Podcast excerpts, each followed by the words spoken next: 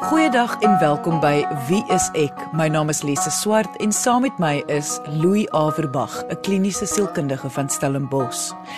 In verlede week se episode het ons gesels oor geestesgesondheid oor die algemeen as gevolg van Julie maand wat bewusmakingsmaand vir sielkundige toestande en die behandeling daarvan is. Die reaksie op die episode was geweldig. Dit is duidelik dat almal van ons baat daarbey om te gesels oor die basiese beginsels van geestestoestande en geestesgesondheid. So ons gaan vandag verder met die gesprek oor wat belangrik is om te weet rondom geestesgesondheid, ondersteuning en medikasie. Voor ons verder gesels, kom ons luister na van die vrae wat ek verlede week vir Louis gevra het oor geestesgesondheid. So Louis, wat beteken dit as jy geestesgesond of geestesongesond is? Al die navorsing wys vir ons dat geestesgesondheid eintlik daaroor gaan dat dit met jou goed gaan. En wanneer gaan dit met mense goed? Dit is as hulle hulle volle potensiaal bereik of naby daaraan is. As hulle die normale stresore van die lewe kan hanteer die normale dinge wat elke dag kan druk op ons sit. Soos finansies, werk, verhoudingsprobleme ensovoorts. Die gemiddelde stresore. Mense is ook geestesgesond as hulle produktief kan werk. En as hulle ook tot hulle gemeenskap of plaaslike samelewing kan bydra. So waarvoor moet mense dan uitkyk om te besef dat daar is dalk iets dan nou maar verkeerd of kom ons noem dit dan nou geestesongesond? As ons praat van geestesongesondheid, praat ons van waar dit sleg gaan met jou op die vlak van hoe jy dink en of hoe jy voel en of hoe jy optree. En byvoorbeeld deur herhaalde gedagtes te hê van selfdood of gedagtes wat obsessief is en jy kan nie ophou om daaraan te dink nie. Dit sou voorbeeld wees van geestesongesonde gedagtes of maniere van dink. In terme van gevoel lang donker gevoelens van ongelukkigheid sal 'n goeie voorbeeld wees. In terme van gedrag uh byvoorbeeld om jou hande obsessief te was tot die bloed uitloop of om te veel dwelms te gebruik sal 'n voorbeeld wees van geestesongesonde gedrag. Wie kan 'n persoon diagnoseer? Want net soos met enige mediese siekte mag jy sekerlik ook nie jouself diagnoseer deur goed te gaan lees op byvoorbeeld die internet nie. Nee, natuurlik nie. Dit werk ontrent nooit. Kyk, mens moet nou net mooi verstaan. As dit gaan oor 'n diagnose, om presies te weet wat dit is en presies wat die beste behandeling sal wees, soos wat dit gaan met enige ander fisiese toestand van ongesondheid. Is daar basies maar net 3 tipes professies wat dit vir jou kan bied. En die eerste een is gewoonlik jou algemene praktisyn wat breedweg opgelei is om so breedweg min of meer te kan kyk en watter diagnose kategorie jy sal val. Maar eintlik is dit maar net jou opgeleide sielkundiges en psigiaters wat regtig daarna kan kyk, niemand anders nie. Louis, wanneer dit kom by sielkundige diagnoses of siektes, is mense oor die algemeen skepties wanneer dit kom by die gebruik van medikasie. Daar is geweldig baie wanpersepsies daar buite. Kom ons begin net eers deur te bespreek hoe groot rol kan medikasie speel by die behandeling van sielkundige toestande. Dit is onontbeerlik. Jy kan nie eintlik die twee van mekaar afskei nie. En die probleem kom by die aanname dat mense siege of jou gedagtes of jou emosies apart is van jou lyf. Dit is nie. Dit word deur jou brein gegenereer. En omdat mense met hierdie konsep sukkel, dink hulle baie keer dat daar amper twee verskillende entiteite is. Die een is jou lyf en die ander een is jy wat binne in jou eie lyf bly die term beskryf nie eintlik regtig nie. Ek dink die die die term waar ons eintlik moet na verwys is na menslike gedrag, positiewe menslike gedrag. Of menslike gedrag wat vir ons positiewe of negatiewe effekte het. Nou, omdat ons integraal biologiese wesens is, is daar baie baie geestestoestande wat suiwer biologiese redes voor het of agtergronde voor het. Baie En waar dit nie altyd die enigste faktor is nie, speel dit gewoonlik ten minste 'n rol. kom ons vat iets eenvoudig soos depressie. As mens regtig baie depressief is, is dit eenvoudig so dat jou sogenaamde plesierstowwe, dopamine, serotonine, regtig uitgeput is. Is jy dan depressief omdat dit so is of het jy depressief geraak en toe het jy 'n fisiologiese reaksie daarop? Dis 'n hoendereier situasie, maar dit is in elk geval in een gestrengel. So baie ernstige siekte toestande kan mens eenvoudig nie effektief behandel sonder medikasie nie. En baie sogenaamde minder ernstige toestande soos soos byvoorbeeld 'n depressie episode, tydperkie, kan mens eintlik in baie gevalle meer effektief behandel as daar medikasie by betrokke is. Waarvan gaan dit afhang? Soos met enige fisiese toestand, gaan jy nie sommer onmiddellik hardloop vir medikasie net as jou neus bietjie loop nie. Maar as dit vererger en jy begin jou simptome opbou wat dui op 'n ding soos 'n griep of 'n of 'n ernstiger toestand, dan weet jy maar medikasie gaan vir jou moet help hierso of ten minste selfs 'n totale oplossing bied. As jy dit nie doen nie, gaan jy nie doodgaan nie. Noodwendig nie, maar dit gaan vir jou baie langer vat en met baie meer moeite bedien om deur hierdie toestand te kom. En wanneer dit kom by sielkundige toestande, is dit absoluut glad nie anders as by enige ander mediese toestand soos griep nie. Jy is heeltemal reg. Onthou ons praat van sielkundige toestande, psigiatriese toestande. Dis dieselfde ding, maar waarvan ons hier praat is mediese toestande. Dis wetenskaplik nagevors en diagnosties ook nagevors. Jy luister na Wie is ek met Louie en Lise op RSG 100 tot 104 FM. Ek verstaan dat daar honderde verskillende siektes of diagnoses, sielkundige diagnoses is. So jy kan nou nie oor almal praat nie, maar is daar algemene simptome wat jy vir ons vandag kan noem wat dalk net vir die luisteraars iets kan leer om vooruit te kyk? Kyk, die grootste ding waarna mens altyd moet kyk is 'n patroonverandering. As jy anders word of anders optree of anders dink of anders voel as wat jy altyd het. Ook om dit van buite af te kyk objektief gaan dit met jou sleg of goed, maak nou nie saak hoe jy voel nie. Kry jy heeltyd moeilikheid by die werk waar jy nog nie gekry het nie, is almal kwaad vir jou. Ehm um, en dan is daar veral met gemoedsversteurings wat so algemeen is. Jou tipiese simptome van lae gemoed, isolering van ander mense af, oormatige gemoed wat op en af gaan, aggressie, vreemde gedagtes dalk.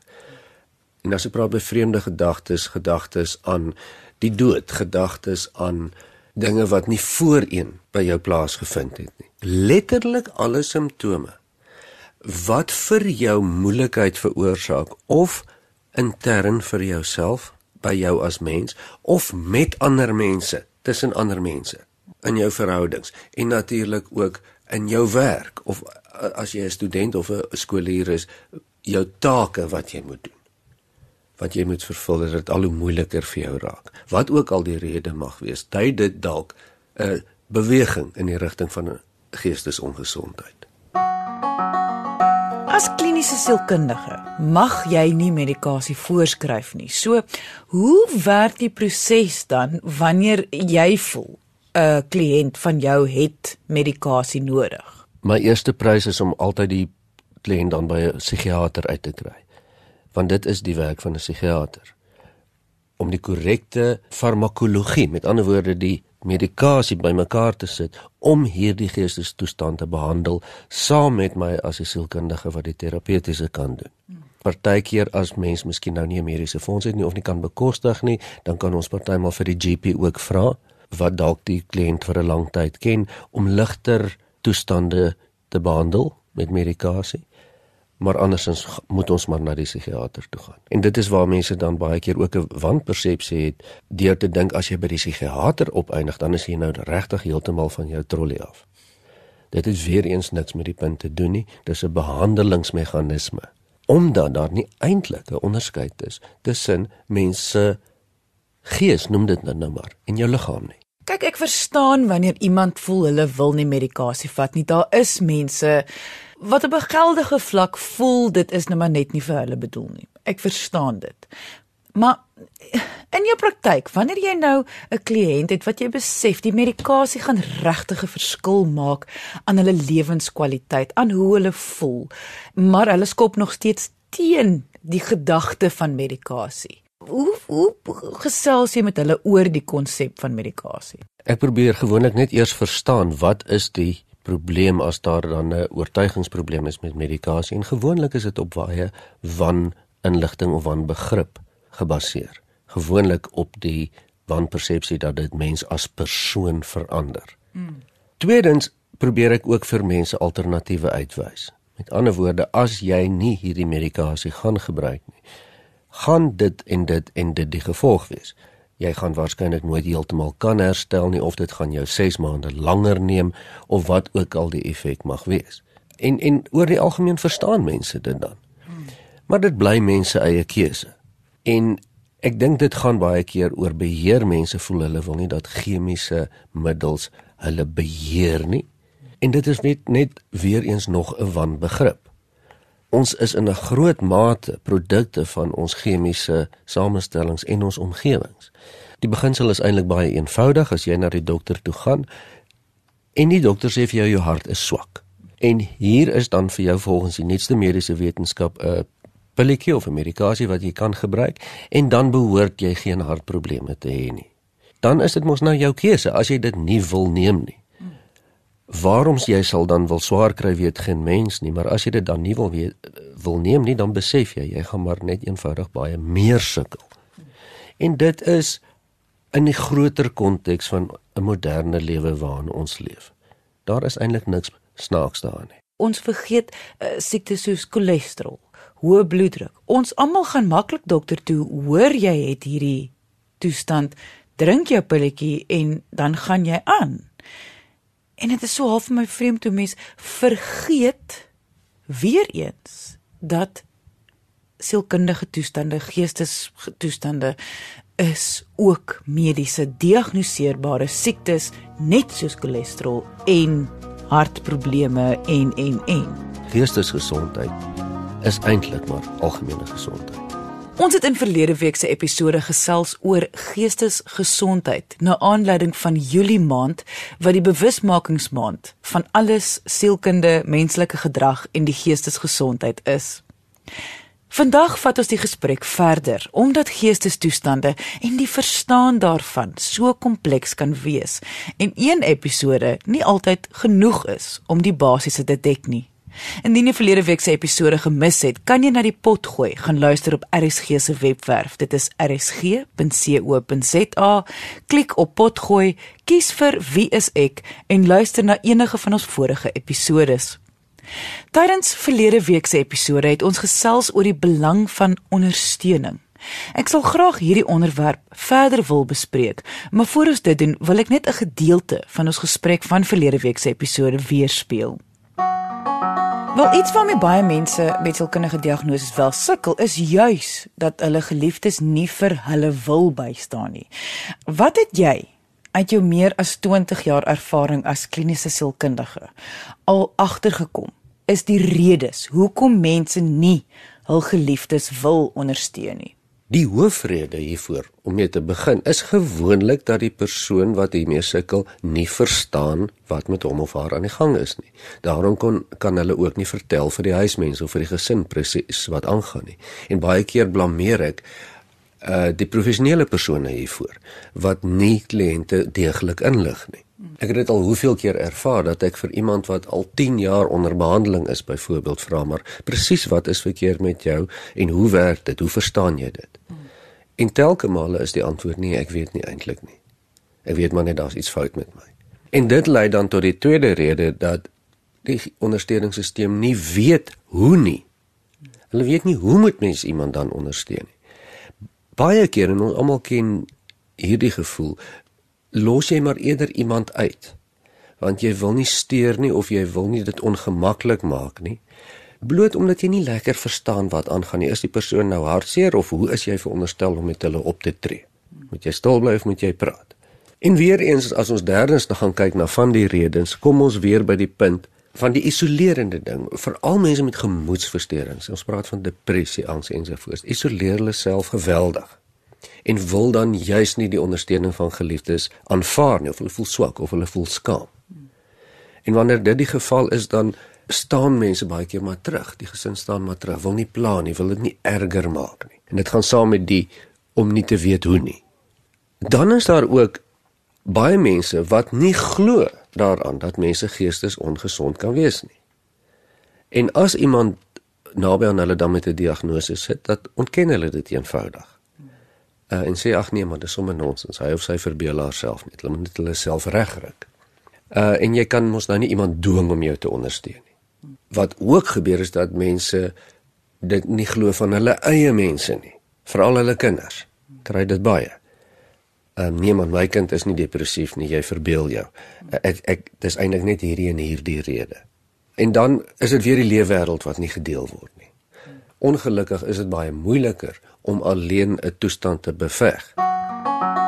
Louis, is 'n ondersteuningssisteem nodig wanneer iemand met 'n sielkundige toestand gediagnoseer word? Dis seker nie 100% brood nodig nie, maar in in die meeste gevalle is dit geweldig belangrik. Onthou dat 'n diagnose 'n iets wat sogenaamd met jou verkeerd is of dit nou fisies is of geestelik is sogenaamd isoleer jou van die meeste ander mense af. Dit maak jou dadelik anders. En hoe minder anders jy voel behandel word met ander woorde deur die ander mense ondersteun word dat daar dat jy heeltemal aanvaarbaar is al is daar net tydelik 'n probleem. Hoe makliker is dit vir jou om te normaliseer Jy het genoem dat een van die redes hoekom dit soms moeiliker is vir mense om ondersteuning te kry by hulle geliefdes, is omdat hulle geliefdes nie glo daar is iets so sielkundige probleme of siektes nie. Mense kan amper nie glo dit is waar nie, maar wat doen 'n mens dan? Is daar 'n manier om eh, tussen twee mense 'n ondersteuningsplan uit te werk selfs al glo die een party nie en die ander een se siekte nie of moet die persoon maar liewers op 'n ander plek ondersteuning gaan soek. Ja, ek weet nie of daar veel van 'n opsie oor is nie. En ek weet dit kom voor dat mense sê nee man, daar is nie so iets soos 'n depressie nie of nee, jy verbeel jou net of wat dit ook al is. Of wag, ek sal jou vertel wat ek dink die rede is hoekom jy nie so lekker voel nie. Ehm um, die vraag is of 'n verhouding kan werk as dit dan so is en my onmiddellike gevoel is nee wat dit kan dan nie eintlik nie. Ek kan nie sien dat mens ander mense moet probeer oortuig oor iets wat reeds bestaan nie. As hulle dan dit nou nie wil aanvaar of glo nie, dan kan ek weet ek nie of mens iets daaraan kan doen nie. En dan is jy gedwing om op 'n ander plek ondersteuning te soek. Ek wil nou net vir mense wat in verhoudings is wat die een party dalk gediagnoseer is, eh, sê jy nou dat indien uh, hulle lewensmaat nie glo in hulle siekte nie, kan hulle nie 'n verhouding hê nie of sê jy kan hulle nie 'n ondersteuningssisteem daar kry nie. Ek dink ek sê beide. Uh, dit gaan baie moeilik wees. Jy kan seker 'n verhouding hê, maar hoe gaan jy 'n deelwêreld hê? En dit maak eenvoudig nie sin nie. Dit is dieselfde onsinnigheid as wat hartspesialis vir jou sê, luister, jy het een hartklep wat vervang moet word. En jy sê nee, ek glo dit nie. Hmm. Dit waarom sal enige mens dit nou doen behalwe as dit deur jou eie vooroordeele so sterk spreek dat jy dit wil glo. En dan is dit weet ek nie of dit die moeite werd is of om die ondersteuningssisteem daar te soek nie. Die ding is wat ek dink ook mense nie altyd besef nie is dat jou ondersteuningssisteem hoef nie jou geliefde te wees nie, jou lewensmaat nie of selfs jou familie te wees nie. Nee, dis natuurlik altyd die eerste prys. Maar daar is vriende, daar is buitemense, daar's professionele mense. Daar is baie forme van ondersteuningssisteme. Jou huisdokter, sielkundig is by uitstek is veronderstel om dan ondersteuningssisteme te wees al is dit 'n tweede of 'n derde prys. Jy luister na Wie is ek met Louie en Lise op RSG 100 tot 104 FM. Maar vir baie mense is dit moeilik om te gaan erken dat hulle het nie 'n ondersteuningssisteem by die huis nie dat hulle moet nou hier na 'n vreemdeling gaan om ondersteuning te kry. Ja, dit is seker so, maar daar moet mens glad nie skaam wees nie. Daar alle mense het nie altyd die voorreg. Dis eintlik maar 'n voorreg wat baie mense het om 'n ondersteuningssisteem te kan hê. Baie mense het dit eenvoudig nie. Logisties het jy dalk net nie 'n gesin of 'n familie wat meer leef of wat dit ook al is nie. Niks verkeerd daarmee as jy nie 'n ondersteuningssisteem by die huis het nie. Mens gaan soek dan vir een. Ons praat baie hier op Wees ek oor hoe jy moet leer hoe om jou sielkundige diagnose te bestuur.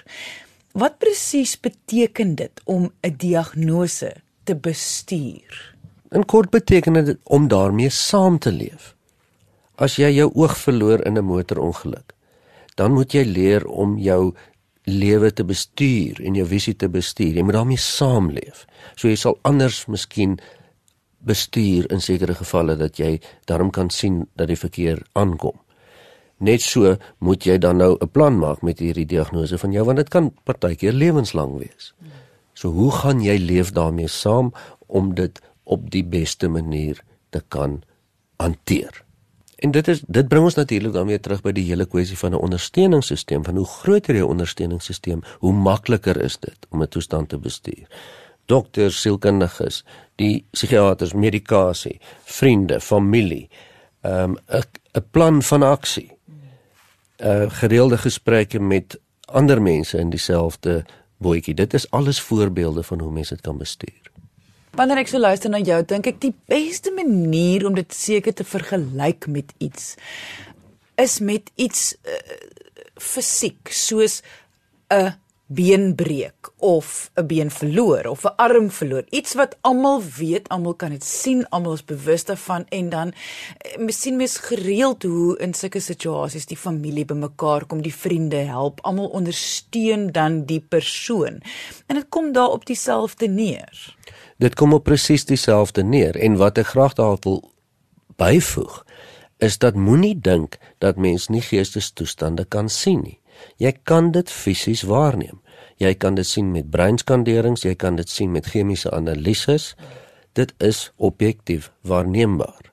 Net omdat jy dit nie kan sien nie, beteken nie dit bestaan nie. En daarom is dit dan maar dieselfde soos die ou wat sy been gebreek het.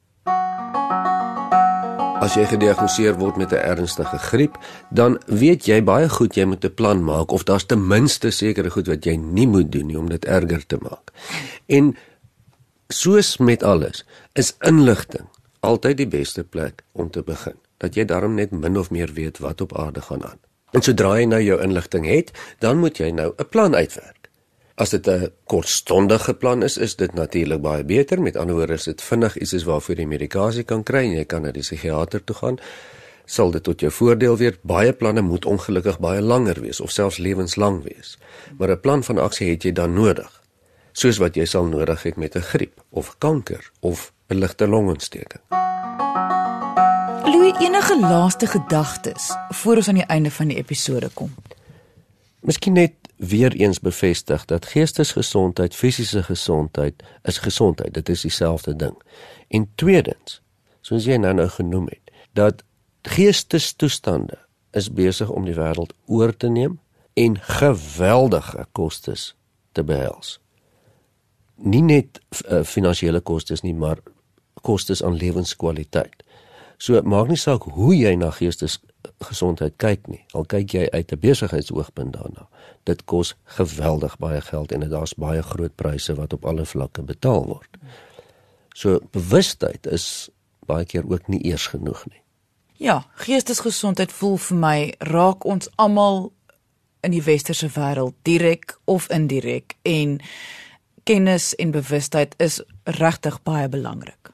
So het ons aan die einde van vandag se episode gekom. Indien jy enige vrae het oor die onderwerp of net jou storie met ons wil deel, kan jy ons kontak via ons webwerf. Dit is wieisek.co.za of deur ons Facebookblad onder wieisek met Louie en Lise. Dankie dat jy vandag ingeskakel het. Ons maak weer so volgende Vrydag 0.30 net hier op RSG. Jy moet 'n heerlike naweek hê he, en onthou, kyk mooi na jouself.